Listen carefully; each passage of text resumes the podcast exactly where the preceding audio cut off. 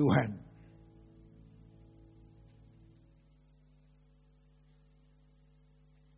Realita dalam hidup yang tidak pernah bisa kita tampik, apalagi kita hindari, yang namanya sakit penyakit, kematian, dan juga menjadi tua. Ternyata realita ini sebelum saya ada, Bapak Ibu ada, para pendahulu kita juga mengalami hal yang sama. Di mana tidak bisa menampik realita hidup ini. Nah untuk itu, kita akan melihat bagaimana firman Tuhan boleh menyapa setiap kita pagi ini. Kita membuka Injil Matius pasal 9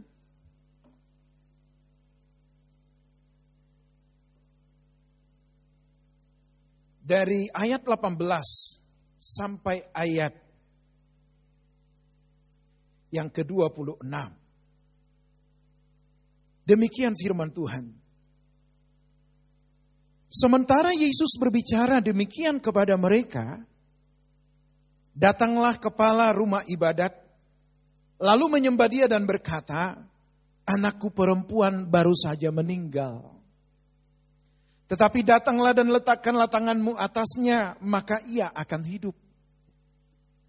Lalu Yesus pun bangunlah dan mengikuti orang itu bersama-sama dengan murid-muridnya.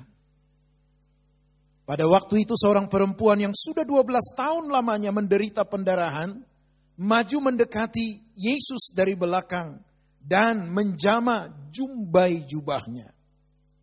Karena katanya dalam hatinya, asal kujama saja jubahnya, aku akan sembuh.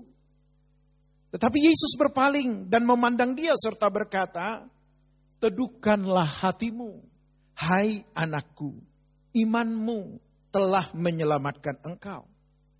Maka sejak saat itu sembuhlah perempuan itu. Ketika Yesus tiba di rumah kepala rumah ibadat itu dan melihat peniup-peniup seruling dan orang banyak ribut, berkatalah ia, "Pergilah, karena anak ini tidak mati, tetapi tertidur." Tetapi mereka menertawakan dia. Setelah orang banyak itu diusir, Yesus masuk dan memegang tangan anak itu. Lalu bangkitlah anak itu. Maka tersiarlah kabar tentang hal itu ke seluruh daerah itu. Sampai di situ pembacaan firman Tuhan Bapak Ibu. Narasi yang dikisahkan di Injil Matius tentang pelayanan Tuhan Yesus setelah menyeberang dari pantai timur Danau Galilea, yaitu daerah Gerasa atau Gadara, yang sekarang menjadi bagian dari negara Syria. Dan ketika Tuhan Yesus bertolak dari pantai timur ini menuju pantai barat, yaitu daerah Galilea, yaitu Danau Galilea atau Tiberias, Danau Kineret sama saja. Dan tentu Sebelum Tuhan Yesus menyeberang, keajaiban-keajaiban begitu nyata atas pelayanan Tuhan Yesus. Sehingga, sehingga, rombongan orang banyak telah menanti Yesus di pantai itu, di bibir pantai itu. Dan kita tahu, ternyata, saudaraku yang Tuhan Yesus kasihi, pelayanan Tuhan Yesus di daerah Galilea ini tentu memiliki keunikan tersendiri. Bahkan yang saya pahami, ketika Tuhan Yesus bertemu dengan seorang pendeta, yaitu yang menjadi gembala sidang waktu itu di Kapernaum. Tapi bukan GSKI Kapernaum. Ya. Itu di daerah Kapernaum di mana Bapak Pendeta Yairus yang menjadi pimpinan. Dan Bapak Ibu tahu, waktu itu adalah hal yang tidak lazim bagi seorang yang terhormat terpandang untuk menjumpai Yesus. Apalagi itu di kalangan orang Yahudi. Sebab kemesiasan Tuhan Yesus tidak bisa diterima oleh orang-orang Yahudi. Dan apa yang terjadi? Sementara mereka berbicara dengan orang-orang itu, perhatikan. Datang seorang Bapak Pendeta. Waktu itu dia adalah menjadi kepala sinagoga waktu itu. Itu sebabnya Bapak Ibu, yang memiliki waktu, kesehatan dan juga uang, silahkan bepergian ke sana. Dan saya berharap kloter GSKI Pluit bisa merancang untuk itu bersama Bapak Gembala. Tapi ingat, harus punya tiga hal ini. Punya uang, punya waktu, dan sehat. Saya pingin pak, tapi nggak ada uang, nggak usah ngomong. Cukup lihat YouTube aja. Haleluya. Ya.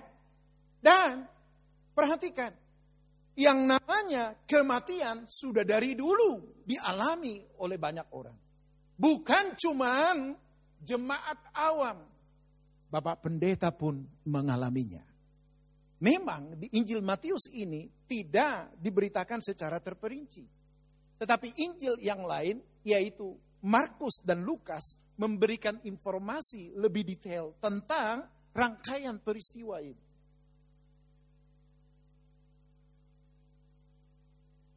Bapak Ibu yang Tuhan Yesus kasihi.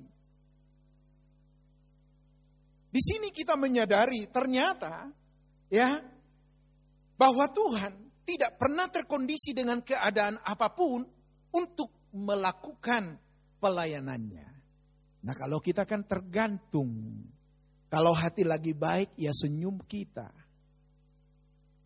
Dompet lagi stabil, senyum kita.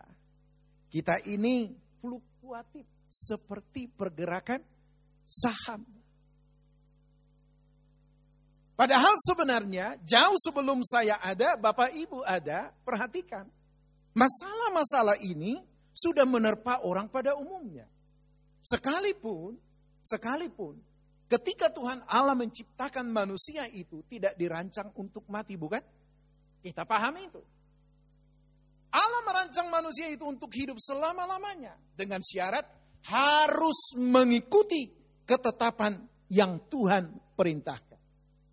Tapi ternyata manusia, selalu menaruh rasa curiga, bukan cuma kepada Tuhan, kepada sesamanya pun demikian. Lihat tas tetangganya lebih bagus. Allah, gayanya aja.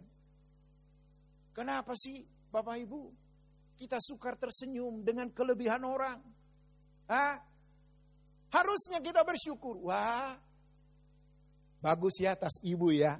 Wah, kita nggak tahu. Dengan sambutan itu siapa tahu kau dibelikan. Contoh. Tapi kita kadang-kadang sudah terlanjur berprasangka buruk. Orang ganti mobil, ah gayanya paling kredit. Kan bukan kita yang bayar dia.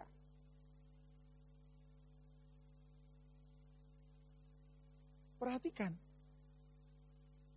Di dalam narasi yang kita baca ini, ada dua ya golongan yang mau kita pahami di sini.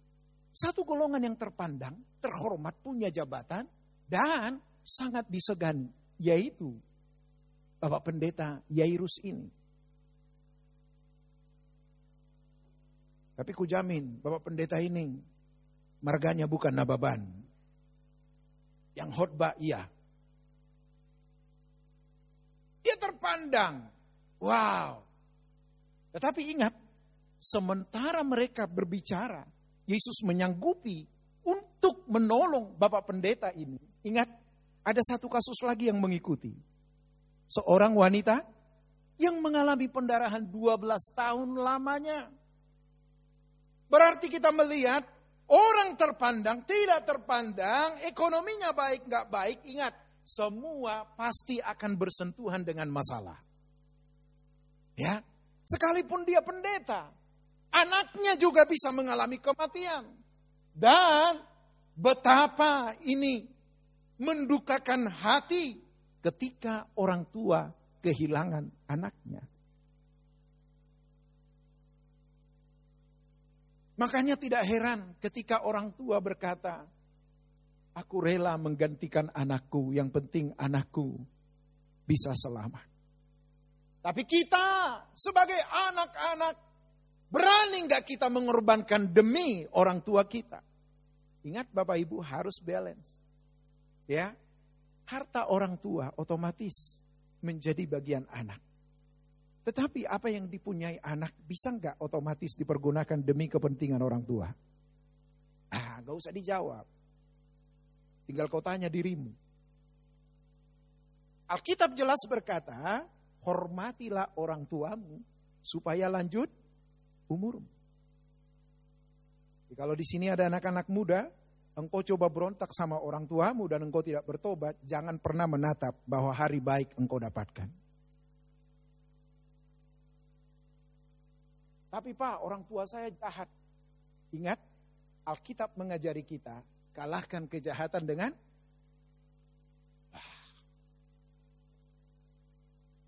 Memang apa yang ditulis di Alkitab ini mayoritas bertolak belakang dengan maunya kita. Kasihilah musuhmu. Boro-boro pak. Mengasihi musuh. Ini yang di samping ini aja nih. Aduh. Kalau bukan karena anak-anak nih. Udah selesai. Coba.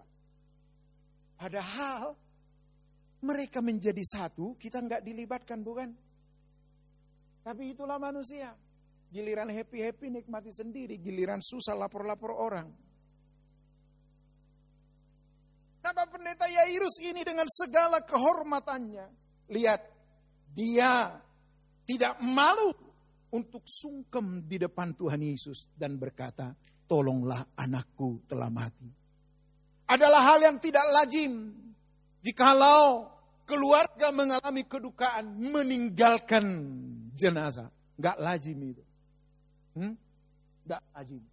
Dan ini justru menjadi terpaan bagi kita ketika kita menghadapinya.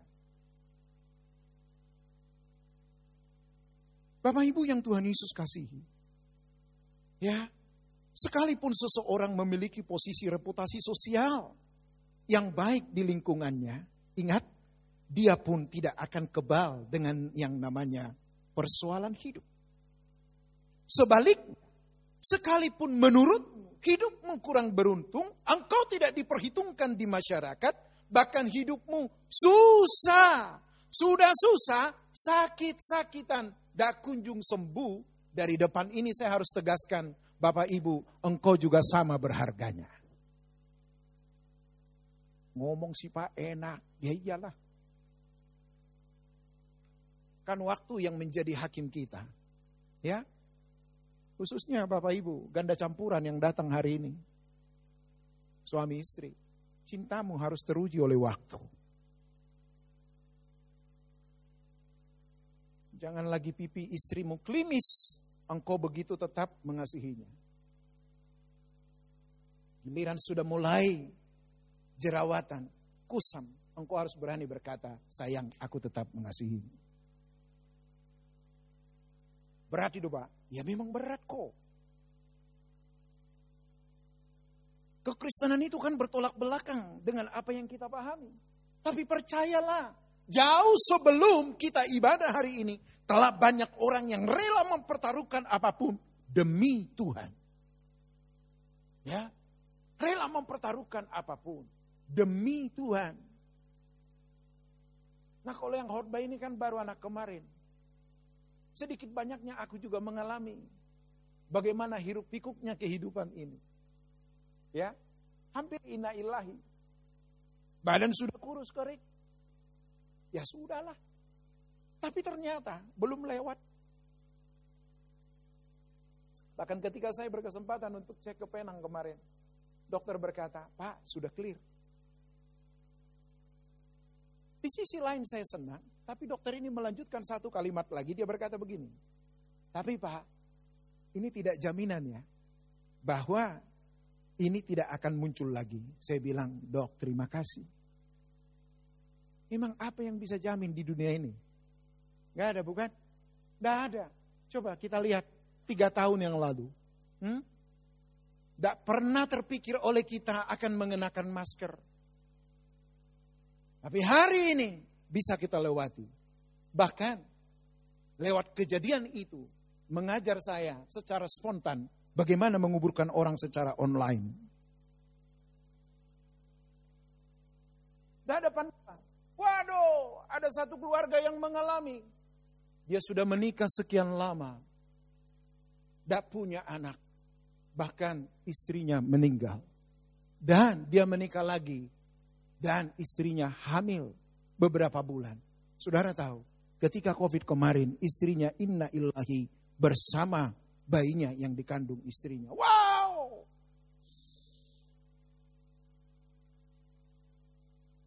Susah. Tetapi ingatlah, engkau mau mendapatkan apa yang kau inginkan seturut dengan yang Tuhan mau, engkau harus rela melepaskan apa yang kau miliki. Engkau harus rela. Itu sebabnya Bapak Ibu memiliki apa hari ini, jangan megang erat-erat. Ya, jangan terlalu erat-erat. Nah kalau istri gimana Pak? Sama. Jangan terlalu erat-erat. Tapi ingat, bukan menjadi membuka peluang engkau untuk selingkuh. Dan anak-anak muda juga, walaupun tidak kondusif di rumah tangga, di keluarga. Engkau tidak menjadi pembenaran dengan penyimpangan menjadi gay atau lesbian. Ingat, Allah menciptakan manusia itu jelas. Diciptakannya manusia itu laki-laki dan perempuan. Jangan aneh-aneh. Ingat, Pak, Bu, hidup ke depan ini tidak akan lebih gampang kita jalani. Pasti lebih susah. Para pengamat ekonomi berkata, ya Jakarta ekonominya lebih naik, terus naik karena kemacetan di mana-mana. Saya pikir gimana ya? Kok tambah macet, kok ekonomi naik? Benar juga sih, orang semua bisa beraktivitas daripada dulu. Lengang ke mana-mana, kosong melompong, semua bersungut-sungut. Dan lihatlah, apa yang dikatakan oleh Tuhan Yesus ini. Sementara sudah ada mayat yang menunggu. Eh, datang seorang ibu yang sudah menderita 12 tahun. Dan ketika Yesus menyanggupi untuk bangun mengikuti orang itu bersama-sama dengan murid-muridnya ayat 20. Pada waktu itu seorang perempuan yang sudah 12 tahun lamanya menderita pendarahan maju mendekati Yesus dari belakang dan menjama jumbai jubahnya. Karena katanya dalam hatinya, asal kujama saja jubahnya, aku akan sembuh. Pak, Bu, engkau mengalami mujizat? Yes. Tapi ingat, nilai kekristenan, esensi dari kekristenan bukan di mujizat. Ya, kita nggak anti dengan mujizat. Engkau alami, haleluya. Tapi ingat, nilai kekristenanmu, esensinya, tekanannya bukan di mujizat bahkan bukan di nyanyian, bahkan bukan di, litur, liturgi, tetapi di perubahan hidup kita. Ya, sebab apalah artinya nyanyianmu merdu, cengkoknya mantap, memiliki ya tujuh turunan, delapan tanjakan, sembilan tikungan. Tidak ada gunanya itu. Tanganmu terangkat di gereja, tetapi di luar gereja tidak sesuai dengan yang kau ekspresikan mubazir. Ingat, saudara perhatikan. Wanita yang pendarahan 12 tahun menurut Taurat ini adalah wanita apa? Hmm? Najis.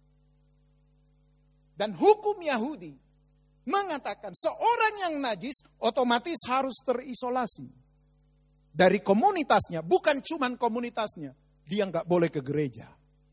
Wow, ngeri. Tetapi lihat, ketika wanita yang mengalami pendarahan 12 tahun ini sudah habis-habisan.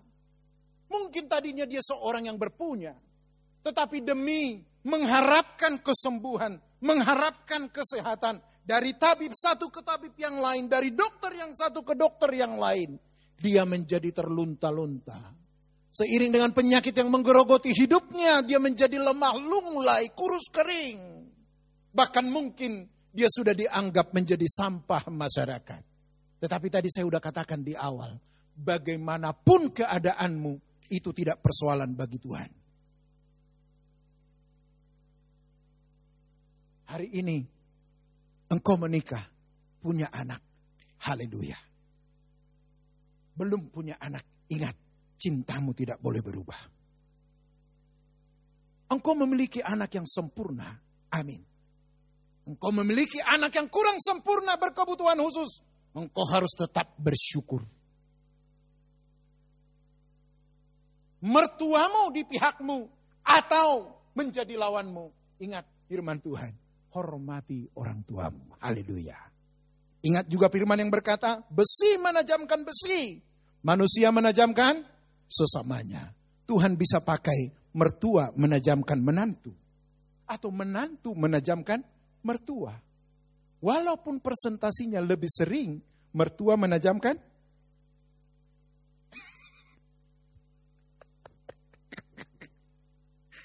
Gak apa-apa. Sabar aja. Apalagi usianya sudah di atas 70, tinggal tunggu waktunya itu. ya, ingat, wanita ini sudah terstigma di masyarakat dia wanita najis.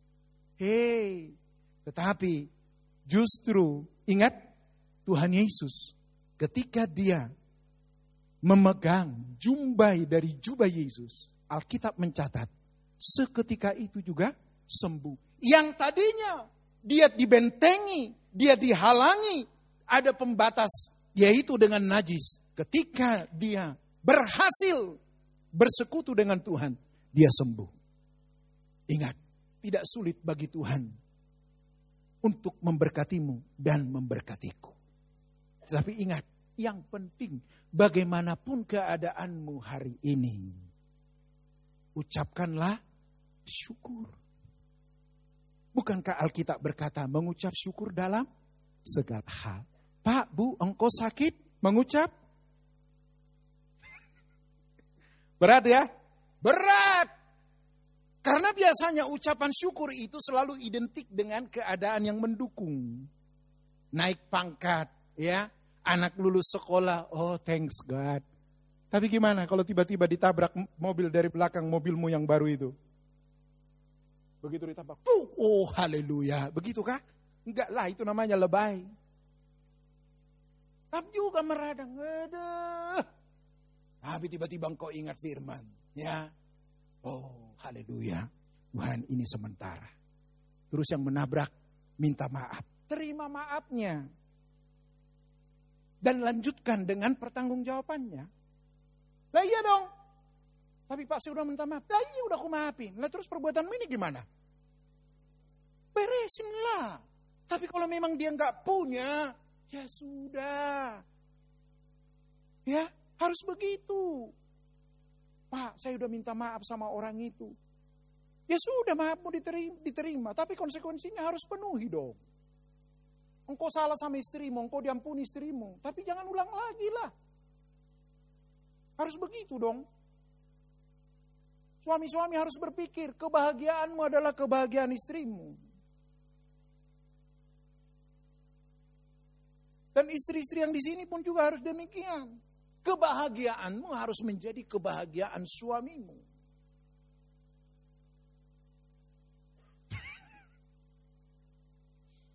Apalagi nih jemaat Tuhan nih GSKI Puluit ini. Wow. Ya minggu ada ibadah di sini. Ada onsite, ada online. Ayo kita praktekin apa yang kita dengar. Ingat, jadi bagaimanapun status wanita ini. Walaupun dia wanita jajis, wanita najis, wanita malang dia tetap disambut oleh Tuhan loh. Dan saya mau katakan pada kesempatan ini, tidak ada masalah yang terlalu besar bagi Tuhan di mana ia tidak sanggup menyelesaikan. Sebaliknya, tidak ada masalah yang terlalu kecil sehingga Tuhan lupa untuk menyelesaikan. Amin ya Bapak Ibu ya. Haleluya. Jadi hari ini yang ekonomimu belum tak kunjung baik, udah nikmatin aja. Yang penting berhikmat menikmatinya, sesuai dengan porsimu nikmatilah. Ya, walaupun ada kondangan, resepsi, ingat tetap harus menikmati porsinya. Tapi Pak, ini kesempatan ini perbaikan gizi, bukan itu malah menyusahkan. Orang udah biasa makan satu piring, mentang-mentang di hajatan jadi satu setengah piring. Modar Bapak Ibu. Biasa aja, haleluya. Bahkan saya ingatkan di jemaat ini, jangan terlalu mudah ditraktir orang. Hmm? Jangan terlalu mudah ditraktir orang. Apalagi berharap ditraktir. Itu celaka 12 pas. Dikit-dikit agak jaim lah. Pak, ayo makan. Ayo kita makan. Sekali boleh. Tapi kalau itu udah berulang kali, mikirlah untuk menerima. Atau kau terima tawaran itu. Dan diam-diam engkau udah harus bayar duluan. Termasuk yang ngomong ini. Saya punya prinsip, biar miskin tapi sombong. Gila nih Sutardi ini udah gak punya apa-apa, sombong. Maksud saya adalah punya integritas dong. Enak gak ditraktir? Enak.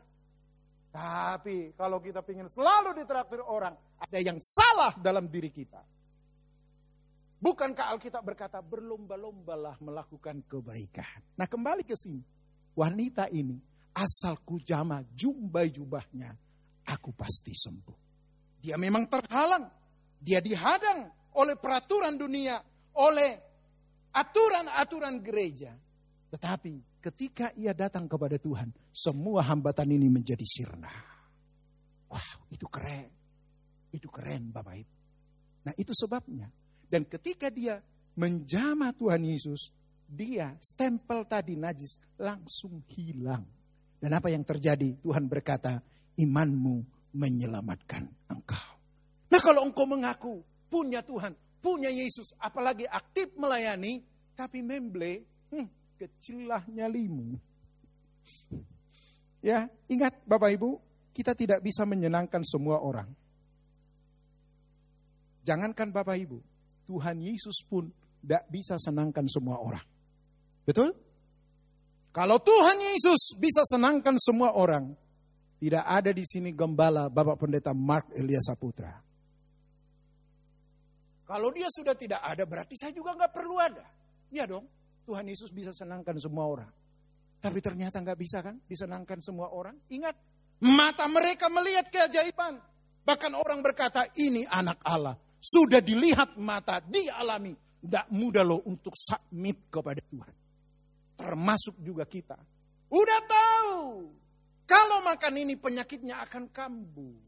Sudah tahu kalau dia begadang terlalu lama, kesehatannya akan terganggu.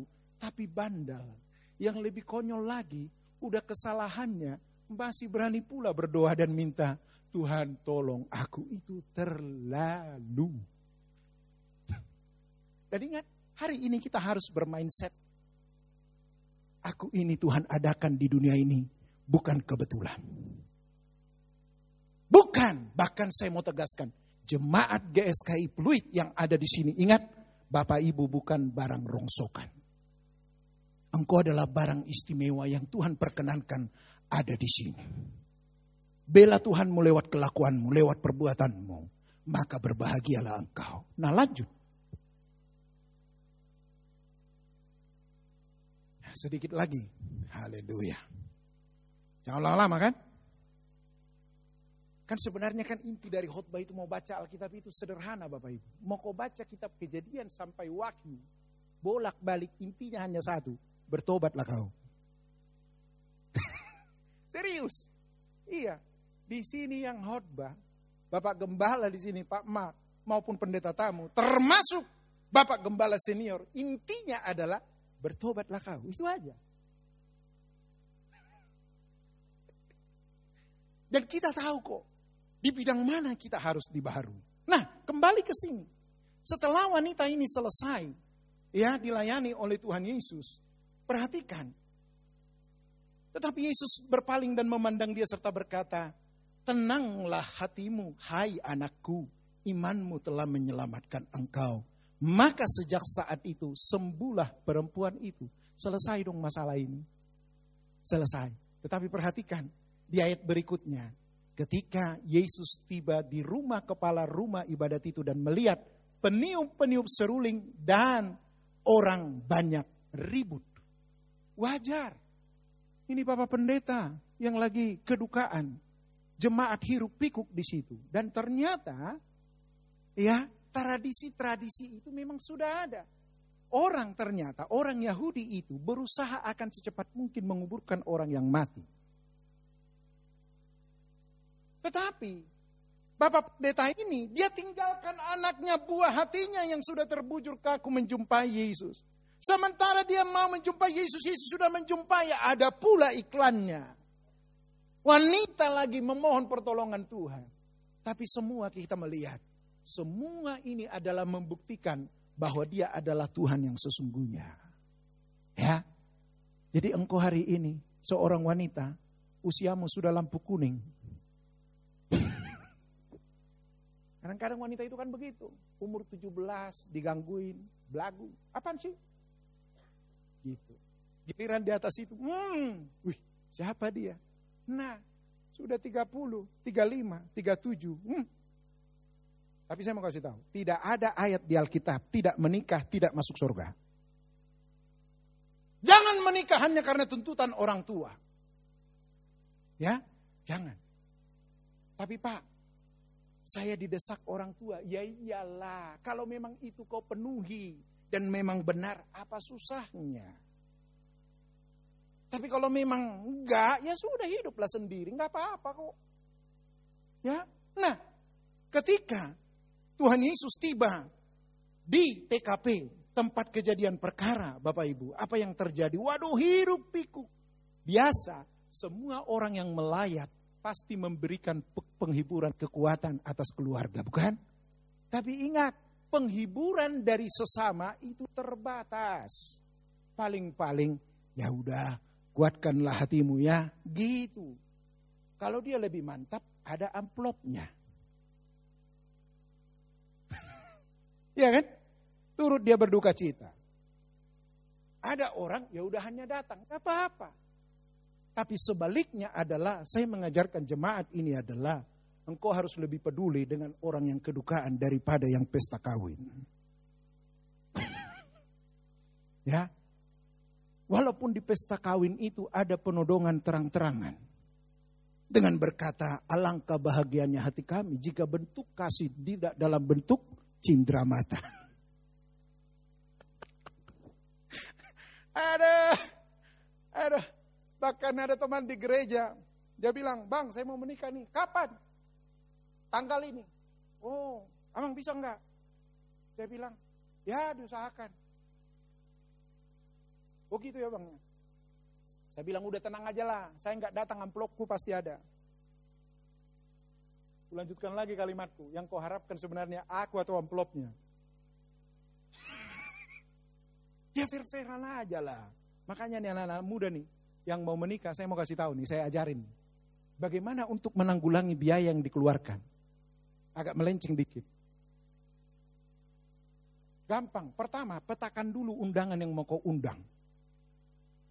Dan harus ada ring satu, ring dua, ring tiga. Tiga ring aja, soalnya satu ring mahal. ya, Nah ring satu, ring dua ini usahakan undangan itu harus kau antar. Itu adalah penodongan berencana. Tidak apa-apa. Kan kita harus berhikmat. Om, kami sangat berharap Om hadir ya. Wow, udah ngerti dia itu. Kalkulasilah hitung. Wah. Nah, ring kedua, boleh kau antar, boleh melalui orang lain. Yang ketiga, ah online aja. Jadi ini perhitungannya nih, kita harus tahu tamu kita yang kita undang. Kan Tuhan berikan hikmah akal budi. Ya, harus begitu. Jangan bilang, tapi saya udah berdoa, Pak, biar Tuhan kerjakan mujizat. Eh, ingat, harus kerjakan bagianmu. Haleluya. Haleluya. Dan jeli menentukan hari. Kalau engkau tanya Pak Mak misalnya, Pak Mak, kami mau menikah tanggal sekian. Pak Mak bilang begini, saya nggak bisa ini begini-begini. Coba pertimbangkan. Lebih lagi, gimana kalau tanggal ini Pak? Terus Pak Mak bilang begini, iya pada tanggal ini banyak nih jemaat yang merit. Eits, itu petunjuk. undangan pasti terbagi kan gitu ya. Itu hikmat itu. Nah, saudara-saudara, ketika orang-orang banyak memberikan simpati, dukungan kepada orang yang meninggal ini, wow, ingat itu hanya sementara. Bahkan saya mau kasih tahu, Bapak Ibu, ya. Sebenarnya orang yang paling peduli dengan kita itu adalah yaitu pasangan. Benar. Keluarga, orang tua pasti peduli, tapi itu terbatas. Tetapi yang paling menderita adalah pasangan. Nah itu sebabnya Pak. Baik-baik kok sama istrimu ya. Tapi Pak, bawel banget. Ingat, itu udah include dengan janjimu. Dan ibu-ibu yang ada di sini, saya mau kasih tahu, ongkola wanita spesial yang Tuhan tempatkan yang paling pas menerima merawat suamimu. Loh, kok ibu-ibu curiga? Salah pilih ya? Amin gak? Amin. Kan kita Roma berkata segala sesuatu dari dia, oleh dia, dan kepada dia. Bu, suamimu itu dari Tuhan bukan? Pak, istrimu itu dari Tuhan bukan? Yang amin itu harus membuktikan ya. Lah iya dong, kalau itu dari Tuhan udah pasti yang terbaik lah. Tapi Pak dia cerewet. Eh, kalau dia nggak cerewet dia bukan wanita. Justru aneh kalau kau yang jadi cerewet. Nah, kembali ke sini. Apa yang terjadi? Ketika Tuhan Yesus tiba, dia katakan, berkata, Pergilah karena anak ini tidak mati tetapi tidur, tapi mereka menertawakan. Kata pergi di situ Bapak Ibu, dalam terjemahan yang lain, yaitu King James, itu mengatakan give place. Artinya berikan tempat kepada Tuhan. Karena ketika anak ini tadi sebelum inna ilahi orang telah berupaya bukan? Termasuk Pak Pendeta itu sudah berdoa dalam nama Yesus. Eh mati juga. Tapi ingat, ketika Tuhan mengusir dan mengusir mereka, pergilah. Berilah tempat kepada Tuhan. Ingat, sebanyak-banyaknya temanmu yang peduli dengan engkau, engkau harus lebih memprioritaskan Tuhanmu. Tapi ingat, Jangan dibalik. Jangan engkau lebih mudah terbuka kepada Tuhan daripada sesama. Ini Sutardi maksudnya gimana nih? Kadang-kadang kita nih salah nih ya. Kita lebih gampang terbuka sama Tuhan daripada sesama. Kenapa? Karena sama sesama kalau tahu kartu kita, kita malu bukan? Tapi ingat, bukankah Alkitab berkata, jangan takut kepada mereka yang bisa membunuh tubuh tapi takutlah kepada dia yang berkuasa membunuh tubuh dan membinasakan roh. Paling kalau orang tahu aib kita yang penting kita bertobat, ya sudah. Haleluya, yang penting jangan diulangi. Ujamin semua yang ada di sini, tidak ada yang tidak pernah melakukan kesalahan. Yang penting jangan ulangi, itu aja kok. Itu sebabnya Tuhan menerima kita apa adanya kan? Gereja boleh sebelah mata memandang kita dengan kesalahan kita. Tetapi ingat, ketika hidupmu benar, engkau datang kepada Tuhan, Tuhan pasti menolongmu. Dan ketika Tuhan ini melakukan itu apa yang terjadi, ingat, Bapak Ibu juga melakukan hal yang sama. Orang yang mati bagi orang Yahudi tidak boleh menyentuhnya, itu tetap najis. Tapi ingat, Tuhan ini adalah atas segala Tuhan, atas kesulitan yang ada. Nah itu sebabnya di sini kita melihat realita hidup yang berbeda Bapak Ibu. Sekalipun kita tidak terpandang, sementara orang lain terpandang, ingat, engkau tetap berharga di mata Tuhan. Itu sebabnya suasana yang Yesus dapati di rumah kepala ibadah tidak mempengaruhi kepeduliannya kepada keluarga yang berduka. Kesibukan di rumah duka tersebut memperlihatkan kepedulian para pelayat. Hanya turut berkabung menaruh simpati untuk menghibur, menguatkan keluarga yang ada. Tetapi semuanya tidak bisa memenuhi harapan permohonan supaya anak perempuan itu bisa hidup kembali. Tetapi ketika Tuhan berkata, apa yang terjadi? Simple. Tidak perlu bim salah bim. Alkitab mencatat, Tuhan pegang tangannya. Sembuh loh. Itu sebabnya kematian bagimu tidak menyak, tidak boleh menakutkan. Sekalipun kadang-kadang kita takut loh. Ya, tapi ingat, Orang Kristen harus memahami kematian itu adalah tidur. Orang yang tidur logikanya pasti akan bangun kan? Pasti. Makanya Alkitab berkata, berbahagialah orang yang meninggal di dalam Tuhan. Kata meninggal di situ adalah tidur. Wah. Haleluya. Ingat, kalau tidur, dia pasti bangun. Jangan terkecoh. Jadi kalaupun umpamanya suamimu duluan, ya sudahlah. Istrimu duluan. Sesuai dengan harapanmu. Supaya engkau kawin lagi.